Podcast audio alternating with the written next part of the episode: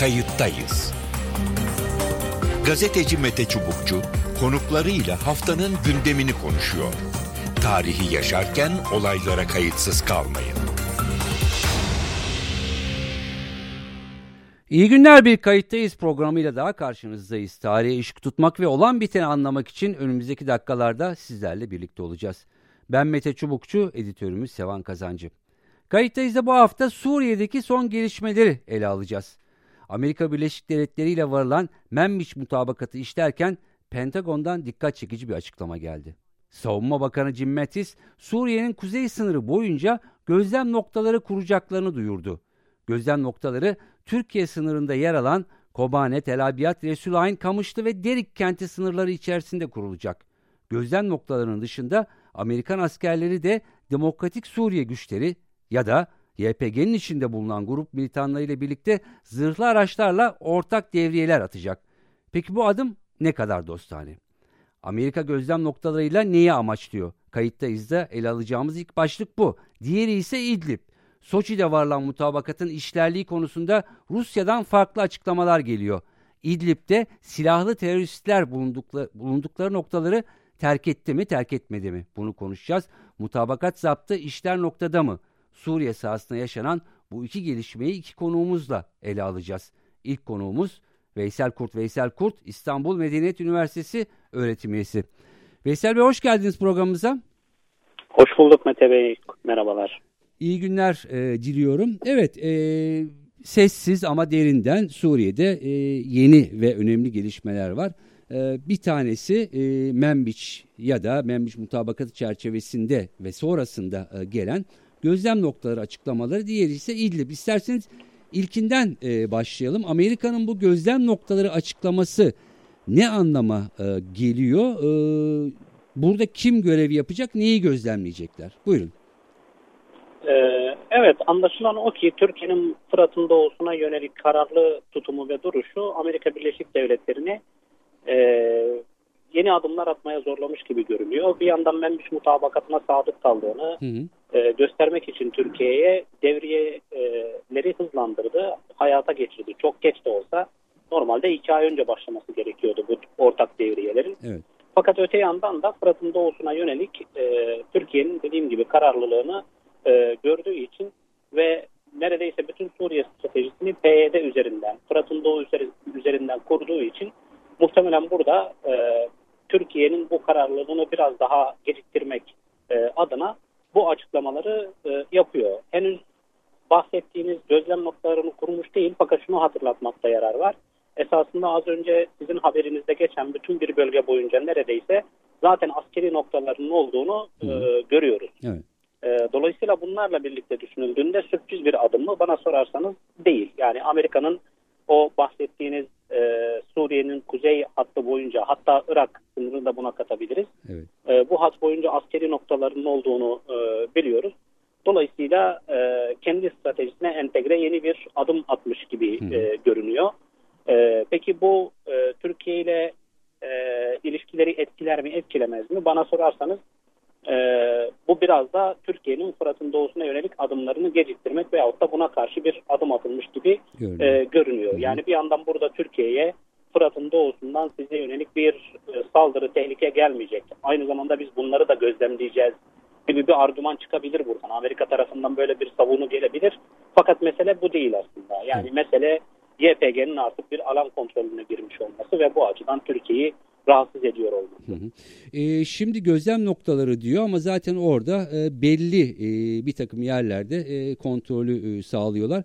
Acaba Türkiye'yi bu anlamda e, deniyorlar mı yoksa bunu hayata geçirecekler mi? Yani Türkiye'nin bir e, tepkisini, refleksini görelim mi e, demek istiyorlar. Ne düşünüyorsunuz? Yani evet hani refleksini veyahut da tepkisini ölçmek e, isteyeceklerdir. Hatta belki de bunu bir pazarlık unsuru olarak da e, kullanabileceklerdir. E, ancak zaten kurulmuş olan askeri şeyler var, noktalar var. Hı hı. Bunları düşününce e, gözlem noktalarının gözlem noktalarını da kurabileceklerini de göz önünde bulundurmak gerekiyor bence. Yani bunun sadece bir söylem veyahut da yapmayacaklar ama konuşuyorlar bağlamında değil de hakikaten hayata geçirebileceklerini dikkate alarak değerlendirmekte fayda görüyorum. Evet. Ee, Türkiye açısından. Evet yani şunu e, belki demek istiyorlar ya da kastediyorlar. İşte bu bölgeden Türkiye, Türkiye sınırlarına bir tehdit e, gelmeyecek demek istiyorlar ama evet. e, bir süre önce Türkiye belli noktalarda hareketlilik e, olduğu gerekçesiyle içeriye e, yönelik e, biliyorsunuz fırtına obüsleriyle atışlar e, yapmıştı. Acaba buna da mı e, önlem almaya çalışıyorlar? Yani buna yönelik e, bir önlem olduğunu düşünmüyorum ben. E, hani Türkiye gerektiğinde o gözlem noktaları kurulsa dahi evet. gerek gördüğü zamanlarda benzer adımları atabileceğini düşünüyorum ben. Hı hı. E, fakat burada ben Amerika'nın daha orta ve uzun vadeli düşündüğünü, tıpkı Zeytin Dalı veyahut da Fırat Kalkanı'ndaki gibi Türkiye'nin bir süpürme harekatına girişmesini engellemeye dönük bir strateji izlediğini. Yoksa Türkiye'nin ben Fırat'ın doğusunu e, rahat bırakacağını e, düşünmüyorum doğrusunu isterseniz. Özellikle bir güvenlik riski oluştuğunda e, sınırın bu tarafından da gerekli e, müdahalenin yapılacağını söylemek hı hı. mümkün. Bu gözlem noktalarıyla da o müdahaleleri e, engellemek söz konusu değil zaten. Peki e, biraz daha e, batıya gidelim yani e, İdlib'e e, özellikle işte bu silahsız, silahtan arındırılan bölge planı hayata geçtikten evet. sonra biraz sessizliğe e, bürünmüştü. Biz takip ediyoruz ne olup bittiğini orada ama e, Rusya'dan evet. bir açıklama e, geldi. E, tam silahsızlandırılmadı gibi bir e, net de değildi açıklama. E, yani biraz hı hı. rahatsızlıklarını e, dile getirdiler. Orada süreç nasıl e, devam ediyor? Hakikaten o böl bölge silahtan ar arındırıldı mı? O silahlı gruplar daha yukarı e, çıktı mı? E, nedir evet. oradaki durum? Rusya'nın tepkisi neye dayanıyor? Ee, şimdi Mete Bey takdir edersiniz ki bu tarz süreçlerin yürütülmesi, yönetilmesi e, oldukça zor. Mesela hatırlarsanız yaklaşık bir 15-20 gün önce Rusya tarafından Türkiye'nin attığı adımların kendilerini şaşırttığını, üstlendikleri yani Türkiye'nin üstlendiği e, yükümlülüğü yerine getirdiğini ve bu anlamda takdir edilmesi gerektiğine dair bir açıklama e, gelmişti. Doğru. E, bunu hatırlatmakla başlayalım. İkinci mesele de şu zaten o belirlenen hatta yani e, hem rejim tarafında hem de İdlib, muhaliflerin olduğu İdlib tarafında 15-20 kilometrelik bölgelerin tamamen silahsızlandırılması söz konusu değildi. İki şey vardı orada önemli olan. Birincisi ağır silahlar çekilecek. İkincisi de Türkiye ile Rusya tarafından belirlenen grup bazı gruplar oradan çekileceklerdi. Yoksa oranın tamamen silahsızlandırılması şeklinde Tabii ki yani e, bazı isim değildi. Evet isimleri Burada, belirtilen terörist olarak evet, nitelendirilen gruplardı bunlar. Hı. Evet hani e, hangi gruplardı bunlar? Hangileri çekildi, hangileri çekilmedi? Bunun bilgisi bende doğrusunu isterseniz yok. Fakat E, dediğim gibi yürütülmesi gerçekten zor bir süreç. Hangi grupların çekileceği üzerindeki mutabakat bile biraz e, pürüzlü olacaktır diye tahmin ediyorum ben. Evet. Fakat burada esas mesele şu. E, şu anda hakikaten en azından kısa vadede yani çatışmaların durdurulması, e, yeni göç e, meselesinin engellenmesi gibi kısa vadeli konularda Suriye üzerinde anlaşan iki aktör Türkiye ve Rusya. Hı hı. Öte yandan uzun vadeye baktığımızda ise tabii ki Türkiye ile Rusya'nın e, bu iyi ilişkisine rağmen çeşitli paradokslara sahip olduğunu söylememiz mümkün. Evet. Fakat şu süreçte ben e, İdlib mutabakatının bahsedilen rahatsızlıklara rağmen e, kolay kolay bozulacağını düşünmüyorum. Aksi takdirde e, gerek Türkiye'nin gerekse Rusya'ya bu mutabakatın bozulmasının üreteceği ciddi maliyetler var. Yani bunun göz önünde bulundurularak e, mevcut sorunların yani süreç içerisinde ortaya çıkan sorunların çözülebileceğine dair e, ümidimi koruyorum doğrusu isterseniz. Hı hı. E, anlaşıldığı kadarıyla e, biraz e, taraflar birbirine e, süre e, tanıyor ama bu süre tanırken evet. de e, birbirlerini biraz da yokluyorlar. Evet e, biraz Yok, daha acele edelim ne oluyor gibi. Geçiyorlar. Evet çok haklısınız. Zaten 15 Ekim'e kadar süre verilmişti mesela. Hı. Fakat 15 Ekim'e kadar sürecin tamamen yani yükümlülüklerin her iki taraftan e, yükümlülüklerin yerine getirileceğine dair kimse bir böyle bir şey beklemiyordu. Fakat en nihayetinde e, girilen yolda bir mesafe kat ediliyor mu edilmiyor mu onu gözlemledik biz aslında 15 Ekim'e kadar ve e, Ekim'in sonuna doğruydu yanlış hatırlamıyorsam Putin'in ağzından evet. sürecin iyi işlediğini Türkiye'nin e, sorumluluklarını yerine getirmek için fazlasıyla çaba harcadığına dair biz şeyler duymuştuk, cümleler duymuştuk. Fakat sizin de gayet e, isabetli bir şekilde ifade ettiğiniz üzere bu süreçte e, ortaya çıkan pürüzlerin belki kimi zaman e, gizli şekilde Evet. yani tarafların yetkililer arasındaki görüşmelerde kimi zaman ise kamuoyu önünde gündeme gelmesi mümkün tabii Mümkün. ki söz konusu olabilir böyle şeyler. Peki e, önümüzdeki dönemlerde e, belki daha sık e, konuşmaya e, başlayacağız. Çok teşekkür ediyorum Veysel Kurt. Fakat şunu son Buyurun. cümle olarak müsaade Buyurun. ederseniz yani şu anda gerçekten Suriye krizi bağlamında baktığımızda bütününü göz önünde bulundurduğumuzda belki de en zor ve fakat en yolunda giden mutabakatın İdlib mutabakatı olduğunu söylememiz mümkün. Çok kısa bir süre önce hayata geçirildi. E, fakat şu anda e, yolunda gidiyor. Do- Dolayısıyla e, tarafların bunu gözeterek önümüzdeki dönemlerde hareket edeceğini ve ortaya çıkacak maliyetin farkında olduklarından dolayı bunu da kolay kolay bozmaya yanaşacaklarını düşünmüyorum doğrusunu isterseniz. Çok teşekkür ediyorum e, programımıza katıldığınız ve yorumlarınız için. İyi yayınlar diliyorum. Sağ olun. Evet programımız devam ediyor. Kayıttayız. Ee, Suriye'nin kuzeyinde e, hem İdlib hem Menbiç'de ve sınır bölgesini e, konuşuyoruz. Ee, ikinci konuğumuz Eray Güçlüer. Eray Güçlüer Altınbaş Üniversitesi öğretim üyesi ve ASAM terör uzmanı. Eray Bey hoş geldiniz programımıza. Teşekkür ederim. İyi yayınlar Mete Bey. Ee, hemen Veysel Bey'in bıraktığı yerden e, devam edelim. Ee, biraz batıdan doğuya e, gidelim. Ee, Veysel Bey e, İdlib mutabakatı için en zor e, ama en yolunda giden e, mutabakat dedi. Taraflar evet birbirini zaman zaman ikaz ediyor ama biraz da zamana e, yayılıyor. Çünkü kolay değil bu mutabakatın hayata geçirilmesi demekte ne dersiniz? Evet katılıyorum. Çünkü gerçekten aslında İdlib üzerinde, İdlib konusunda Türkiye ve Rusya'nın e, birlikte e, bir anlayış birliğine vardı ya da vardığı anlayışın ortaya konulduğu model sadece e, İdlib için değil aslında bütün Suriye hatta Arap yangınıyla tarumar olan pek çok e, diğer Arap ülkesi için de bir Hı hı. e, model olabilir, çözüm modeli olabilir. Bu yönde ümitler ve beklentiler her geçen gün artıyor. Biliyorsunuz en son 20 Kasım 2018 tarihinde Milli Savunma Bakanı ve Milli İstihbarat Başkanı Rusya'ya gidip e, Rusya Savunma Bakanı'yla görüşmeler Şöyle yapıldı. buydu, evet. Bu konuda zaman zaman tarafların açıklamaları var. Peki ne aldı? Şu ana kadar ne yapıldı diye baktığımızda e, tabii bu e, işte 15 Ekim'e kadar e, çatışmasızlık bölgesi olan o 20 kilometrelik e, alandaki ağır silahların boşaltılması e, tamamlandı. Evet yani bu e, önemli bir başarıdır. Hı hı. Aynı zamanda e, buradaki en büyük problem olan özellikle HTŞ bünyesi içerisindeki o cihatist denen radikal e, yabancı savaşçıların e, anlaşma zeminine e, mesafeli durmaları söz konusuydu. E, biliyorsunuz Türkiye'nin hem alanda e, özellikle e, özellikle istihbari açıdan yoğun şekilde çabaları oldu. Aynı zamanda Rusya ile de tabii bu süreci birlikte e, götürüldü. E, ve bunun sonucunda yabancı e, radikal savaşçı unsurların bir bölümünün Irak'a ve bir bölümünün de Afganistan'a gittiğine dair e, sahadan gelen bilgiler var. Hı, evet. Geri kalan bir bölüm unsur ise e, yani şey, ılımlı muhalif seviyesinde e, oradaki çözümün e, parçası olma niyetinde olan ve e, tabii şu anki stabil durumu yani özellikle güvenlik ve asayiş bakımından stabil duruma entegre olmuş ya da bu stabil durumu bozmayacak bozmayacaklarını ifade eden e, grup e, diyebiliriz. evet. E, tabii bunlardan e, biliyorsunuz ilk başta 15 Ekim'e kadar e, ağır silahlar e, o çatışmasızlık bölgesinde toplanmıştı.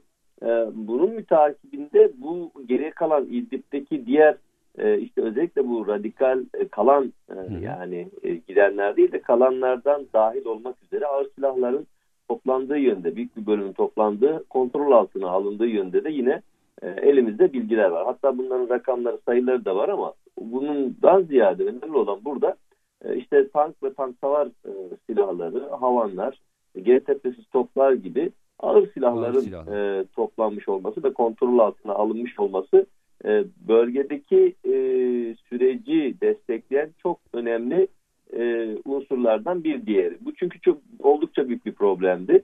E, bir diğer soru olarak da biliyorsunuz e, asker sayısı, özel Evet. 12 gözetleme noktasındaki asker sayısı arttırıldı.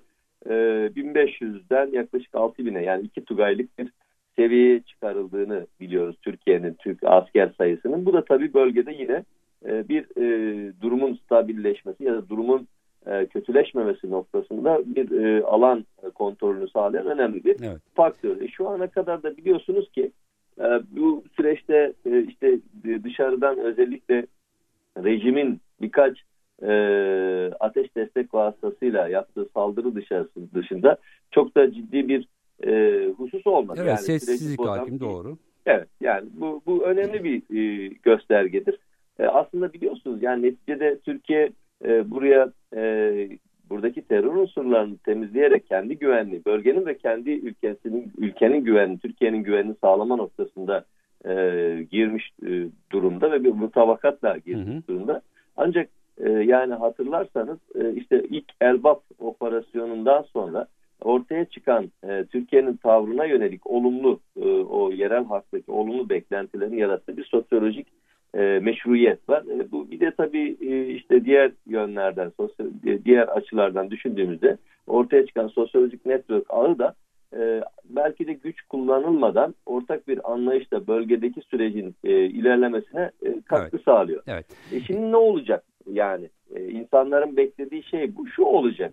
E, bir taraftan da e, demokratik, e, özgürlükçü, eşitlikçi bir anayasa yazılı çalışmaları çerçevesinde oluşturulacak e, yeni Suriye devlet yapısına e, sadece İdlib'de değil yani Afrin, Elbap ve diğer yerlerdeki e, unsurların eklemlenmesi suretiyle gelecekte bir Suriye devlet yapısının oluşturulması aslında e, hedefleniyor. Dolayısıyla şu an bir taraftan da e, bir e, demografik oranlarına göre yerel yönetimlerin, yerel yönetimin dipte oluşturulması için evet. e, gayret gösteriyor. Bakın empati yapalım. E, hiç şey yok. Yani kim, 4 milyon nüfusun 100 binden fazlası silahlı. E, bunların ağır silahlar evet toplandı ama e, kimsenin de kimseye burada e, güvenebileceği bir durum söz konusu değil. E, ve her anda dışarıdan gelebilecek yani dışarıdan nüfus hareketini de e, engelleyemezsiniz. E, bir çok büyük bir bölümü Esed zulmünden kaçmış olan e, nüfus. Dolayısıyla buradaki tansiyonun hayatın olağan akışına döndürülmesi için e, e bütün e, alt alt gruplar, alt toplumsal gruplar arasında evet. bir dengeyi sağlayacak şekilde e, yerel yönetimin oluşturularak bir güvenliğin sağlanması, hayatın normal akışının sağlanması yönünde önemli adımlar atılmış. İşte bu bağlamda altyapıların vesairenin oluşturulması tabii süreç zaman alacak. Yani bu bir anda olacak şey değil. Ama bu noktada önemli ilerlemelerin de olduğunu söyleyebiliriz. Bundan sonraki süreci de şu an için stabil olan bu süreci yerel yönetimin demografik oranlarına göre yerel yönetimin oluşturulması noktasında gayret gösterdiğini söyleyebiliriz. Tabii insani yardım operasyonları da bu bağlamda evet. devam ediyor. Ee, çok ciddi e, Türkiye'nin burada oradaki e, mağdur ve işte kış dönemi e, hakikaten Kızılay'ın e, Türkiye'nin bütün kurumlarının bu anlamda yardım kuruluşlarının çok büyük yardım ve katkıları var. Dolayısıyla bir insani dram, bir insani e, felaket yaşanmasının da e, önüne geçmiş durumda. Son bir bilgi de şunu vereyim Okan. Bir, bir kısım dönüşler de var. Yani İdlib'e e, şu ana kadar e, bir kısım dönüşlerin de olduğunu biliyoruz. Olumlu. Evet peki. E, şimdi ikinci soru da vardı ama zamanımız e, kısaldı. E, bir dakika içinde e, toparlarsanız e, sevinirim e, Fırat'ın doğusunda özellikle Amerika'nın bu işte gözlem e, noktalarından söz etti. Savunma Bakanı Jim Mattis e, hatta işte e, Suriye Demokratik Güçleri YPG'nin de içinde bulundu artık ismini ne koyacaksak. Onlarla birlikte dolaşacağız dedi. Çok kısa olarak e, neyi amaçlıyor? E, nedir bu gözlem noktaları? Henüz kurulmuş değil belki ama e, orada bir mesaj var. Buyurun. Evet e, burada tabii artık ABD Türkiye'nin kendisine tehdit gördüğü noktalar, terör tehdidi gördüğü noktalarda e, Fırat'ın doğusuna da müdahale edeceğini ben anladığım kadar zımmen kabul etmiş durumda. Hı hı. Yani burada hatırlarsanız o açıklama metninde biz gece ve gündüz kendimizi belli olacak noktalarda e, belli edecek noktalarda e, bu gözetleme gözetlemeleri üst bölgeleri kuracağız demek. Yani bizi vurmayın e, bakın hadi müdahale edeceksiniz anladık ama en azından yanlışlıkla ABD askerlerini e, vurmayın ya da bize müdahale etmeyin. Dolayısıyla arka planda aslında Türkiye'yi oyalama bir e, PYD'ye ve PKK'ya Suriye diğer adı PYD olan Suriye PKK'sına e, onların kurumsallaştırılması adeta bir devlete dönüştürülmesi noktasında zaman kazanma yönündeki yeni bir çabadan başka bir şey değil. değil yani Türkiye oradaki e, bütün e, e ABD'nin bize vereceği e, şeylere e, bilgilere ihtiyaç duymuyor. Çünkü e, en az ABD kadar Türkiye'nin istihbarat, izleme ve analiz e, kapasitesi var orada. Evet. Dolayısıyla bu e, tabii Türkiye'nin politikasını çok fazla etkileyecek değil. Muhtemelen gözetleme noktası dedikleri yerler de PYD ile çok yakın ilişki ve irtibatta oldukları ve e, ikmal lojistiği sağlayabildikleri yerlerdir. Bu Türkiye'nin politikasını değiştirmeyecektir. Değiştirmeyecek. E, Evet. Geçen seneki Nisan ayında nasıl Karaçok Sincar operasyonlarını yaptıysa o 28, e, 28 ve 31 Ekim tarihlerinde nasıl bölgede Tel Aviv ve Zulmara müdahale ettiyse ge- gerekli yerlerde gene şey, e, müdahale edecektir. Edecektir. Önemli olan burada ABD'nin bu paradigma değişimini sağlaması. Yani teröristlerle değil Türkiye ile e, işbirliğine gitmesi arasına terörist varlığı kendi arasına mesafe koyması. Bu Peki. olmadığı müddetçe Türkiye tatmin olmayacak. Ee, Eray Güçlü'ye çok teşekkür ediyorum. Programımıza Ben katıldığınız ve yorumlarınız için. Sağ olun. Teşekkür ediyorum.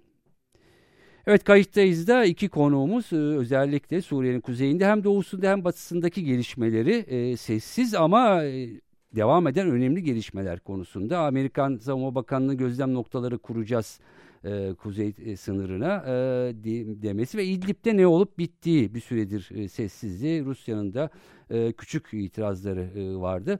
Bunları konuştuk ama önümüzdeki günlerin önemli konularından birisi hem batı hem doğusuyla Suriye'nin kuzeyi olacak gibi görünüyor. Kayıttayız'dan bu haftalık bu kadar. Ben Mete Çubukçu, editörüm Sevan Kazancı. Haftaya farklı bir konuda yeniden buluşmak üzere. Hoşçakalın. Kayıttayız. Gazeteci Mete Çubukçu konuklarıyla haftanın gündemini konuşuyor. Tarihi yaşarken olaylara kayıtsız kalmayın.